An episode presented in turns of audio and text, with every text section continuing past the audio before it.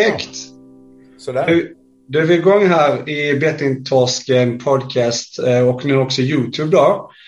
Med eh, Per Holknekt. Eh, välkommen. Tack så mycket. Tack. Hur mår du? Um, I dessa covid-tider? Ja, men allting är ju jävligt relativt och, och sett mot det 2020 som vi lämnar bakom så är det alldeles ypperligt. Mm. Så att, jag tycker nog att det är, jag är, jag är här. Jag är här. Gött. Eh, för, de som, för, de som, för de som inte känner dig eh, Per, kan du berätta lite vem du är? Eh, hobby, ja, person? Ja, jag ska försöka fatta mig kort. Jag är en relativt ordinär gubbe tycker jag själv. Andra har påstått annat. Från Dal Dalarna, 60 år gammal, hunnit med att fylla mitt liv med väldigt, väldigt mycket.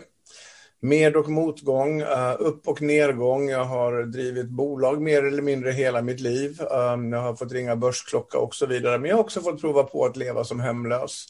Högt och lågt i, i eh, ljus och mörker. Sen så har jag väl hela mitt liv varit dragandes då på beroende genen. Jag har en tendens till att att um, vara ganska lättkrokad um, avseende då, uh, alkoholen som jag har varit en, en stor um, belastning för mitt liv sedan jag var på mitt första terapeutiska möte för uh, 38 år sedan. Mm. Till idag. Sen så längs vägen då via ödets kära nyckfullhet så ramlade jag även så in i bettingvärlden. Mm. Och uh, har väl haft en ganska obehaglig resa där. Så en ganska obehaglig upplevelse av största tänkbara skräck och ensamhet. Mm. Ja, um, det tänkte jag säga. För det är väl lite det, vi, det är en podcast om spelberoende och um, jag själv är tidigare spelare så uh, jag uh, är med dig och förstår vad du pratar om. Kan du berätta lite av, av hur ditt spelande började? Eller var det så, du pratade ju om alkohol. Um, var det så att du kom in på, alltså blev det att du bytte beroende liksom, eller bytte drag kan man säga? Alkoholen har, ju, alkoholen har ju mer eller mindre samma resa för alla som har fastnat i den, det vill säga den börjar ganska trevligt. Den börjar jävligt roligt och den, den uh, skapar de här euforikänslorna som, som är ju dopaminframkallande och man tycker det är jävligt roligt. Sen så kör man det här i några år tills det inte är roligt längre, utan det byter form, det byter skepnad och det blir väl mer till ett medicinerande av känslor som eh, följer i kölvattnet av det beroendet. Och samma sak sker ju faktiskt i, i spelberoendet, även om accelerationen i spelberoendet är eh, uh, ljusår snabbare än vad den är i, i andra beroenden. Uh, jag har ju till och med på 80-talet fått prova på att vara beroende av narkotika.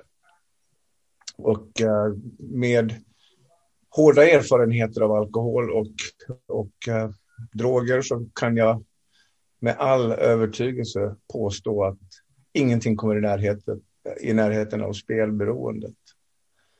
Det är ett fruktansvärt gift som icke går att förklara för en person som inte har varit i det. Eh, men jag halkade in via rekrytering eh, på den tiden. Jag blev mm. rekryterad att börja spela. Jag var på posten i Enskede och skulle väl betala räkningar som man gjorde på posten när jag var ung. Jag är så gammal så att ungjävlarna har börjat resa sig för mig på bussen nu sådär. och den här gången, ja, och den här gången när jag då ska lämna, eh, betala mina räkningar på posten så föreslår damen i kassan om jag inte skulle ta och prova en liten V65 också som det hette. Mm. Och eh, det var lördag, det kändes lite trevligt. Så varför inte? Jag spenderade 141 kronor på, på det här lilla experimentet som kom att bli min jungfrusil in i direkt spelberoende. Jag hade den stora, stora oturen att vinna bra pengar den här gången. Eh, jag vann 29 952 kronor eh, brutto minus då 141 kronor insats. Och det här önskar jag aldrig hade skett. Jag önskar att jag hade förlorat på en gång så att jag hade eh, förhoppningsvis i alla fall lagt den, den eh, kicken åt sidan. Men där började det. Sen så har det väl liksom fluktuerat i, i takt med att jag har eller inte har haft pengar beroende på hur mycket jag har haft. I sina perioder kring 2008, 9, 10, 11, 12 så accelererade min plånbok och likaså spelberoendet och mitt isolerande av mig själv från övriga gemenskaper när man gömmer sig i den lilla världen fylld av uh, skuld och skam. Mm. Uh, fördelen med spel, eller nackdelen med spel, är ju att det är extremt enkelt att maskera för sin omgivning. Till skillnad från då till exempel alkohol. Men men det, det, kom sig att jag gjorde fantastiska pengar via att jag lät börsnotera ett bolag år 2008. Och eh, jag gjorde mig en, en eh, sällsynt ekonomi som, som uh, hamnade i klorna på spelbolagen.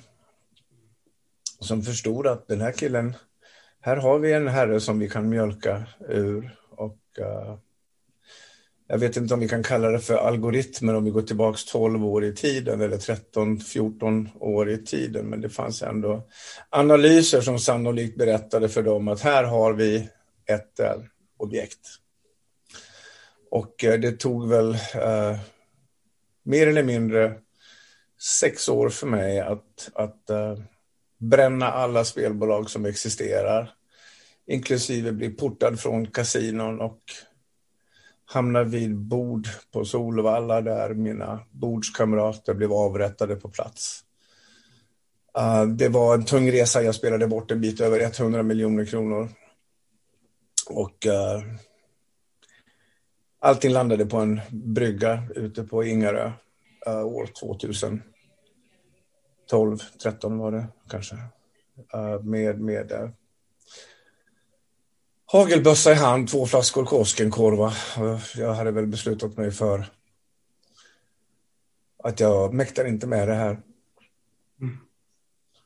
Och uh, det, fanns inte, det fanns inte någon strimma av ljus någonstans. Eh, skammen inför människor hade ju eskalerat i takt med att min situation hade försvårats och jag hade aldrig berättat för någon.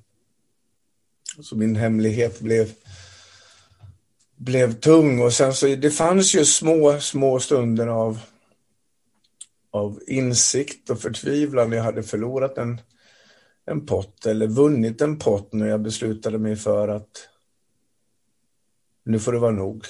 Jag orkar inte det här och alla som har varit i spelmissbruk har haft små sekunder av den här känslan om inte annat och jag har hållit upp i en till två dagar men då ser ju de här spelbolagen att herregud, här håller vi på att tappa vår kanske bästa kund. Uh, Åsa, ring Per. Och så ringer då de här kontorsbiträdena, tjejer uteslutande, jävligt trevliga, låter attraktiva och nästan så att de stöter på en på telefon och berättar att de har en liten present till mig. Det är bara att logga in på kontot. Och sen sitter vi där, 2 500, 5 10 000 kronor. Eh, utan annan orsak än att bara få mig att börja spela igen. Och sen är man på tåget igen. Och så här har det liksom hållit på. Hållit på och hållit på. Tills, tills, tills, äh, ja, men tills batteriet var tomt. Men hur, eh, tänkte jag säga, hur märkte du att du liksom tappade kontrollen? Var det, alltså, hur snabbt gick det för dig? Alltså där du märkte att du satte ju den här äh, travlappen första gången och sen hur märkte du liksom att det eskalerade och vilka var dina... Ja, men alltså den här utvecklingen är ganska klassisk för alla grejer att man, man skjutsar upp direkt och får upplevelsen så backar man ner lite grann och sen så har man den här med sig i, i nacken och sen så börjar man då bygga upp det här igen tills det, tills det drar iväg. Men jag kan bara ta en sån sak som kasino där jag då eh, ofta då hyrde en helikopter och flög till London eller åkte till Las Vegas och bara för att spela på kasino. Och, och då räcker det med att du går in med en liten insats på första bordet. Tre timmar senare så har ju det här eskalerat bortom allt förstånd. Mm. Och, och, så att det är en extremt snabb ex, ä, accelererande ä, drog. Ja, nu tappade jag spåret lite grann. Det kommer tillbaka så sjukt mycket minnen över mig just nu som jag... Ja, jag förstår. Men vad heter det, vilket var din huvud, alltså var det kasino, var det... Var det... Nej, det var sportbetting online. Det var sportbetting online som var, ja. okej. Okay. Uh, du nämnde där att, att du kommer till uh, en, en, en, var det en slutstation uh, till att du bestämde dig för att sluta spela? Du berättade om att du kom till en brygga med... Allt var förlorat allt var förlorat. Hur, hur, eh, vad, vad hände där? Eller vad gjorde du? Um, det, som hände är att jag, för att backa historien helt, så minns jag att jag, eftersom jag är då smått offentlig person och människor vet att jag har ett alkoholberoende så åker jag till Gustavsbergs systembolag och köper två flaskor vodka och ber om presentkartong så att ingen ska tro att jag köper till mig själv. Mm. Uh, åker till Eskilstuna och köper uh, en hagelbössa under förevändningen att jag ska smälta ner och göra tennsoldater till ett experiment. Eller järnsoldater till ett experiment. Sen tar jag de här och sen så min plan är helt klar för jag vet hur jag funkar med alkohol. Jag tar ett järn, det förför järn nummer två, det förför järn nummer tre och någonstans vid järn nummer 14 så blir det svart. Och då tänkte jag, då känns det inte, då åker vi. Och jag hann precis knirka av knirket på korken där när min telefon ringer och då är det en för mig idag väldigt viktig person som ringer och säger Per kom och uh, gör oss sällskap i vår familj. Så att då, den kom fem i tolv. Okej. Okay. Hur, eh, vad hände efter? Alltså, du bestämde dig liksom att nu är det slut med spel helt och hållet? Ja. ja. men jag tror inte jag var klar. Jag tror inte jag hade kommit till full insikt, utan det var nog mer att jag var inte klar med spel, plånboken var tom. Mm. Och jag kände uppgivenhet och alla som har spelat mycket vet uh, förtvivlanskänslan när sista kronan är borta, den har vi nog gemensamt. Ja, ja, ja. Den, den, den, den, den ihåligheten och svärtan, det totala, totala svärtan i bröstkorgen som faller likt vore det jorden över ens huvud. Som, som i en sån situation gör att det, liksom, det finns ingen annan väg. Än, och sen har jag då haft turen att bara överleva i några dagar. Sen kommer man väl till lite bättre insikt och helt plötsligt har jag lite pengar igen så börjar jag spela igen. Mm. Och så här håller det på. Men jag, så jag hade inte liksom gjort upp med min sjukdom förrän mm. någonstans 2015, 16, 17. Mm. När jag då fick kontakt med, med en, en, en gemenskap som uh, gjorde att jag fick släppa min ensamhet. Och eh, jag vågade prata om det här och förstod att det var inte bara jag. Visste du där någon gång att, att uh, det är så dumt att säga, men jag förstår exakt och jag relaterar ju till det och det är det som är det hemska med just spelberoendet och spelmissbruk är att man ofta är det ju på botten man inser att man har ett problem med det. Uh, och botten, botten kan ju se olika ut för alla liksom. Och det så, när man pratar med en ekonomi så det som kan vara mycket för någon kan vara lite för någon annan och så vice versa. Ja, det är hundra procent. Men just, um, du pratar om 2017, du kom in i gemenskap. Är det så att förstod du själv att det fanns ett, något som kallas spelberoende innan dess? Alltså att... Ja, ja det, det gjorde jag. Jag gick på, på faktiskt så gick jag på några GA-möten så tidigt som år 2000. Okej. Okay.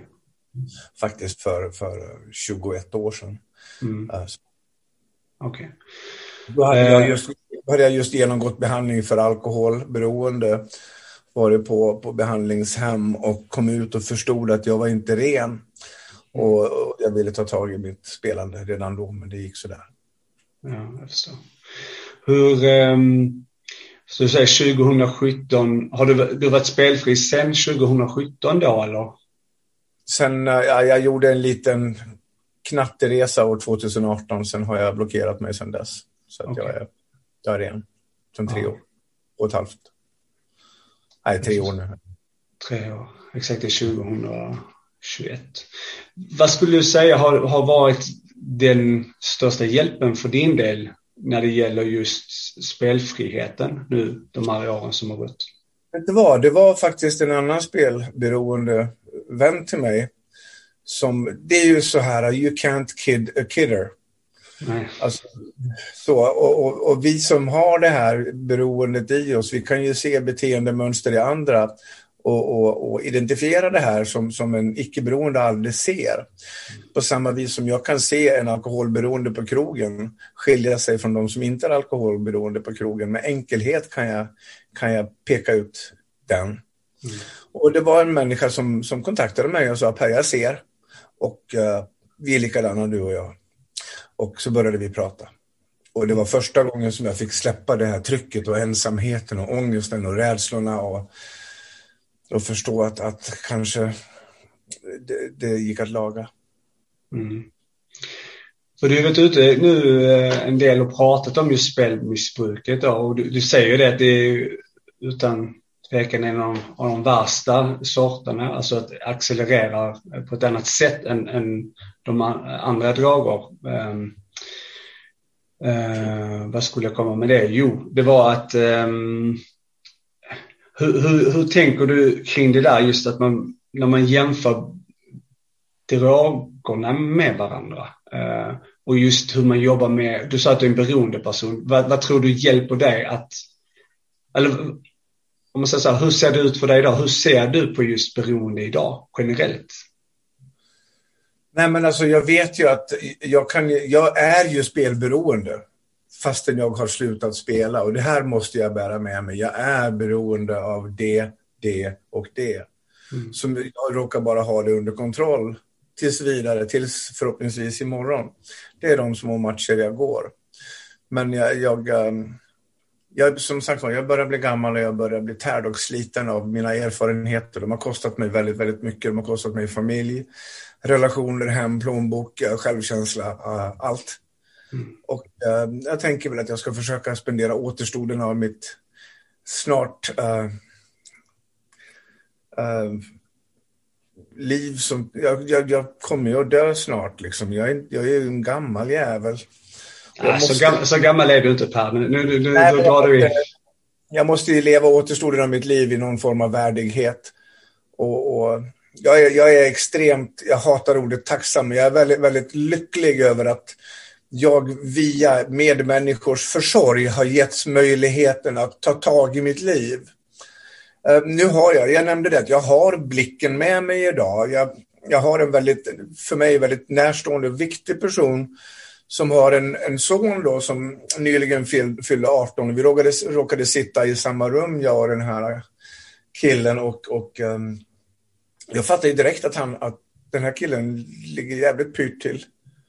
Och det här ser inte en förälder eller familj eller någonting. Och jag nyper gossebarnet i örat och så tar jag med honom till spelpaus och så säger jag du ska få så här mycket pengar av mig om du blockerar dig själv just nu. Och så gör han det och sen är, tänker jag att fan, mina erfarenheter kan jag använda till någonting bra. Mm. Vad tror du är viktigast? Eh, ja, ursäkta. Eh, men vad tror du är viktigast att, eh, att hålla, hålla sig spelfri? Vad, vad tror du är en nyckel eh, som, för att just hålla sig spelfri? Ja, men liksom att aldrig ta... Förlåt. Nej, men att inte ta sin, sin spelfrihet för given. Utan all lycka i vårt liv, all, all, allting av positiv karaktär som finns i våra liv, om det är familj eller barn eller jobb eller nykterhet eller spelfrihet, så är det ju saker som är färskvara. Och vi måste underhålla den här och, och ge den näring varje dag. Att aldrig ta den för given. För att vi befinner oss när vi slutar spela i en mörk situation. Alla slutar i mörker. Sen så lagar vi våra liv och så kommer vi upp och vi bygger våra liv och över tid så är vi uppe i ljuset och lever. Och då tror vi att vi är en annan människa än när vi levde i mörkret. Att vi kanske kan igen. Mm. Det är den faran som hela tiden är med mig. För det här har jag sett hända då när jag har byggt och rivit mitt liv förut. Mm. Så att hela tiden bära med mig tacksamhet och ödmjukhet inför det faktum att jag är spelfri idag. Och att jag måste jobba för att behålla det jag har. Mm. För att man är aldrig närmare att förlora något än när man börjar att ta det för givet. Om det så är kärleken. Ja, det är rätt. Hur, hur tänker du eh, kring de människor idag som, som eh, eller anhöriga också, som går i tanken om att det är någon närstående som, som har då, eh, vad ska man säga, kommit i klorna på, på, på djävulen av, spelet då. Ja. Eller en person själv som inser att ja, men jag tror jag spelar för mycket. Vad har du liksom att säga till dem? Jag får ju de här breven, jag får ju hur många som helst sen jag då blev offentlig med mitt spelmissbruk. Mm. Och att jag då, jag har ju då gått lite grann nu i clinch med spelbolagen och jag har ju en stor strid framför mig. Och, och i det att jag har blivit offentlig så får jag breven från mammor och pappor och brorsor och syrror och lillebrorsor och kusiner och jobbkollegor och polare och tjejkompisar. Alla som oroar sig för någon närstående. De frågar mig, vad fan ska jag göra? Och sen, för det, det, finns ju en rädsla att konfrontera de här människorna för att då, då, man tror att man gör dem ont, att de ska tycka illa om en och så vidare. Men det första man måste göra det är att prata, att inte vara rädd, att leverera uh, kärlek och paketera samtalen i kärlek. Jag älskar dig, du är fucking jävla viktig för mig, jag dör utan dig. Alltså du är allt för mig. Men för i helvete, Häng med mig på vägen framåt. Att våga ta de här samtalen. Det är sjukt jävla jobbigt. Men levererar vi det i kärlek och inte snusförnuft och jävla Prussiluskans pekfingrar och, och, och någon slags von oben mentalitet utan leverera det här i gemensamhet så, så går det att få människor att öppna upp. Jag får ju liksom hur mycket sånt här som helst jag kan inte bära ansvar för andra människors liv. Det är helt omöjligt. Mm. Det går inte. Människor äger ansvar för sina egna liv. Det enda jag kan berätta är att det går att laga. Det lilla hoppet vill jag att människor ska bära med sig. Det går att laga. Men jag sitter ju så jävla djupt i skiten. Jag har ju lurat folk på pengar till höger och vänster och belånat och lurat faster och moster och banken och allihop. Jag sitter så jävla djupt ner i hålet. Jag måste vinna tillbaks pengarna. Det är min enda chans. Mm. Nej, det är inte din enda jävla chans. Din enda chans nu är att lägga av och börja arbeta som en jävla idiot och sätta blicken lite längre fram än vad du hade tänkt. Ja, det är många visor.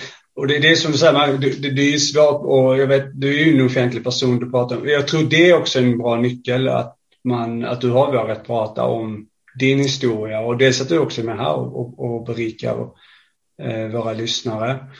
Mm. och, och det, det, det, är ju otroligt stort av dig att göra och det betyder väldigt mycket för många.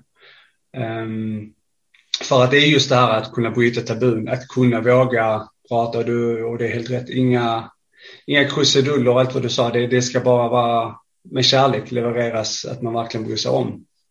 Ja, det är väldigt viktigt. Det är verkligen.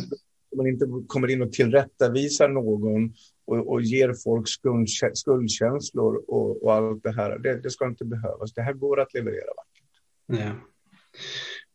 Men vad jag tänkte säga, vad, eh, jag tänkte också prata om just det här eh, och det har ju jag följt med en del såklart för att jag är ju engagerad i de här frågorna när det gäller spelberoende och framförallt vad som händer kring den politiska delen och du, du är i strid med spelbolag ehm, vill du berätta lite om det? Absolut, alltså det är så här, jag är inte den sakkunnige i det här fallet. Sakkunnig är en, en, en herre som heter Peter Svärd. Och han driver någonting som heter Bakom spelbolagen. Där han under många långa år har, har slagits för att eh, ge människor upprättelse för den vanvård som, som spelbolagen levererar. Så att det, det är med stöd av hans kunskap, idoga, hårda arbete och nätverk av människor som jag har vågat att gå i clinch med spelbolagen. Och vi har ju då även då tagit av, av, av stamp i GDPR så vi har ju lyckats hämta ut information och vi har börjat fiska i olika läger. Och en annan fördel för mig som offentlig person är att jag känner väldigt mycket människor. Jag känner extremt många människor som jobbar i spelindustrin. Jag hänger i Marbella, jag hänger på någon av de här jotterna, jag vet var de finns och de berättar ju för mig. Även om de sitter på sina jävla NDA så får jag ju veta inifrån hur det går till. Mm. Och jag har, nu har vi liksom byggt ett lag av jurister, advokater och, och sakkunniga här. Så att nu går vi ju sannolikt som det verkar hela linan ut och jag blir den första svenska privatpersonen som stämmer ett, ett eh, börsnoterat svenskt spelbolag. Mm. Det är jävligt skrämmande, jag berätta. Det är sjukt skrämmande. Men, men det här blir nog mitt sista bett. Ja, eh, ett bra bett. Eh, för att rätt ska vara rätt vad heter det, du säger att det är skrämmande. Vill du berätta någonting om att, att det är skrämmande? Är det skrämmande av dig som person eller skrämmande av hur spelbolagen hanterar situationen? Det är skrämmande på många vis därför att uh, det kan vara skrämmande på rent fysiska vis så, så, så tillvida att jag då, det viskas nu om att det finns ett pris på mitt huvud ifrån någonstans på Malta. Um, det är skrämmande så tillvida att om vi nu går ut i den här och allting ska avgöras i rätten, om det blir en förlust, vad händer då med människor i spelberoende när, när spelbolagen får fritt fram att misshandla och missbruka spelberoende människor? Det skrämmer mig. Uh, så, men samtidigt är det så här att jag är också för med en annan liten gen och den heter jag går igång på att vara rädd. Mm. Så att det här är ingenting som får mig att backa. Det är bra. Eh, Peter Svärd, är, är, det något som du kan rekommendera om det är flera som sitter i samma situation som dig där de vet att det här har inte varit rätt, alltså som kanske då har insett sin problematik. Jag tror så här, det bästa vi kan göra nu är att gå i samlad tropp. Och jag tror att om, om, om, om människor som har någonting att berätta från spelberoende, från, eh, kallar det för en, en, psykolog som, som specialiserar sig på beroendesjukdomar. Ju mer vittnesmål vi kan få från människor som jobbar bakom kulisserna på Betsson eller Kinder Group eller vad som, ju fler vittnesmål vi får, ju mer stärker vi vårt case som vi alla redan känner är bra. Men om vi sätter kraften i, det, i den knytnäve jag nu riktar framåt, så tror jag att vi kan hjälpas åt och vräka det här på ända. Och, och blir det rättegång och oddsen på att vi vinner den här matchen är 53 gånger och att Kindred Group 1,02 så kan de ändå förlora och de sitter idag på ett börsvärde på 30 miljarder kronor. Är de beredda att satsa 30 miljarder kronor till oddset 1,02 mm. och vräka bolaget på ända samtidigt om de förlorar så går vi nu in i en lagstiftning som innebär att om vi vinner detta case så kan andra spelberoende som har gjort förluster under samma period på samma premisser också komma ut och kräva sina pengar tillbaka. Mm. Det kan bli en enorm process. Min dröm i den bästa av världar är att någonstans på Malta tar någon en stege och en skruvmejsel och går utanför dörren och klättrar upp och skruvar ner skylten. Mm. Vad, vad, vad, tänker du kring det? Kan, kan folk höra av sig till dig eller till, för att kunna komma i en gemensam trupp för att stärka ett case? Har du någon... Vi har en plattform på någonting som heter Change Equity. Mm. Man får gissa sig fram till hur man stavar till Change Equity. Ja, men jag, jag, kan länka det här sen också på avsnittet. Ja. Ja. På, på Change Equity där har vi då uh, olika typer av uppladdningar av vittnesmål som stärker vårt case. Det är eh, en, en eh, juriststab som vi har där som samlar ihop just nu. Så alla som har någon erfarenhet som kanske handlar om marknadsföringslagen, lagen om främjande förbud eller penningtvättslagen och så vidare, så, så är vi högst intresserade av att få vittnesmål för att stärka det case som kan gynna så många. Mm, det bra. Vi länkar till det här sen. Eh, jag har en fråga också. Eh, har du kommit något gott av all den här misär eh, som spelberoendet har varit för dig med alla konsekvenser, både som du säger vänner och förhållande och ekonomi och allt som har varit som har gått förlorat? Ja. Det, som, det som är gott är att jag har ju en tendens då, då till att vilja vända eh, negativa uppgifter till verktyg för att skapa bättre omkring mig. Så nu har jag, jag har ju jobbat i ganska meningslösa industrier, kanske framgångsrikt men ändå meningslöst, som modeindustrin tillför inte oss människor egentligen någonting av egentligt värde. Och nu med de här erfarenheterna i ryggen så törs jag nu då gå ut och ta strid mot spelbolagen. Jag har släppt hela min karriär, 30 år i modeindustrin, bara för att bygga ett bolag som nu arbetar för att, människor, att hjälpa människor som lever hårt skuldsatta. Så att det här har ju liksom blivit till någonting som aldrig hade hänt annars. Mm. Att jag nu bygger digitaliserade verktyg för skuldsatta att få bättre ekonomisk uh, kontroll för att hitta en väg tillbaka för att laga sina kära vackra liv. Så det här är det positiva i det här. Vad heter det, eller vad är det för någonting? Alltså, vi, vi, eh, Skuldra, Skuldra heter bolaget, S-K-U-L-D-R-A. Och skuldra.nu är hemsidan som vi släpper till marknaden någonstans under mars månad. Men det går att gå in där och redan nu anmäla sig för att få information. Ja, vad bra. Jättefint. Suveränt Det är mina två, två stora uppdrag i livet, tre stora uppdrag i livet just nu. Ett är att fostra mitt lilla barn till att vara fri och tänkande och intelligent. Det, det andra är att uh, försöka förebygga uh, mänskliga tragedier. Och det sista är att hjälpa dem som har hamnat där. Du pratar om ålder där. Det, det, det, här är ju inte tecken på någon ålderdom. Du har massa gånger grejer igång samtidigt. Ja, jag skojar lite grann när jag säger sådär. Jag, jag, ja, jag, jag vet. Tror, jag, tror jag, jag fick veta via... Jag gick till en läkare här i december. Jag gav mig själv i julklapp en läkarundersökning där man får veta hur man mår. Alla organ och värden och blodfetter och, och, och, och hormoner. Exempelvis då um, testosteron. En ung frisk man, han har 8 till 10 i värde på, testosteronskala, på testosteronskalan. Um, är man under det så är det sådär. Och vid 30 någonstans så börjar ju det här att dala. Jag är 60 år, jag ligger på 20. Jag har extremt god fysik fastän jag röker två ask cigg om dagen, tar två, tre och tre kaffe till frukost. Jag tränar noll. Men läkaren sa Per, du har fan fysik som skulle göra en vältränad 30-åring avundsjuk. Vad är fan är felet?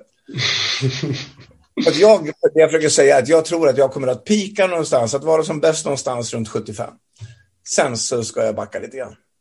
ja, det är bra.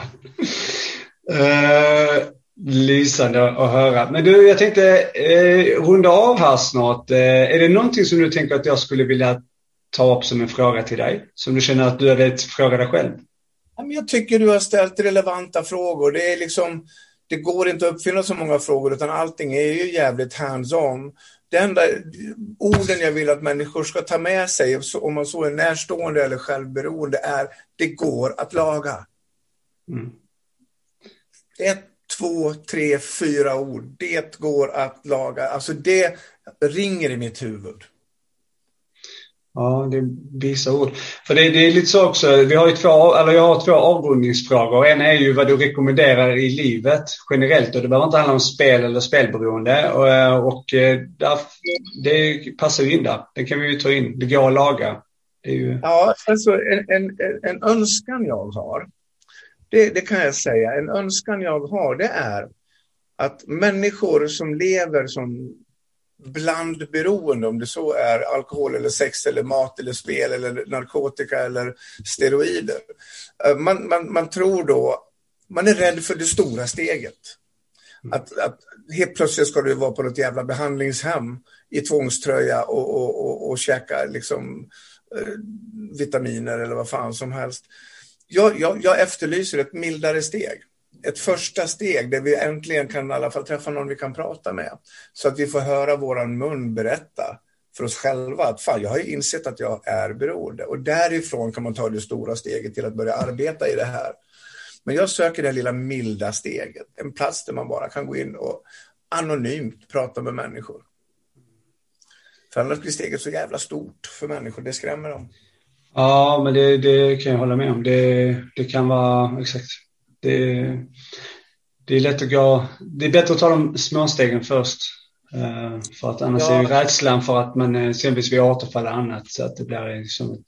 Jag vill ju att på något vis att människor ska lyckas avbryta innan de ligger längst ner i, och kramas med Satan. Mm. Men det är svårt att, att hejda det innan det går åt helvete. Mm. Så är det. Ja, eh, en sista här då.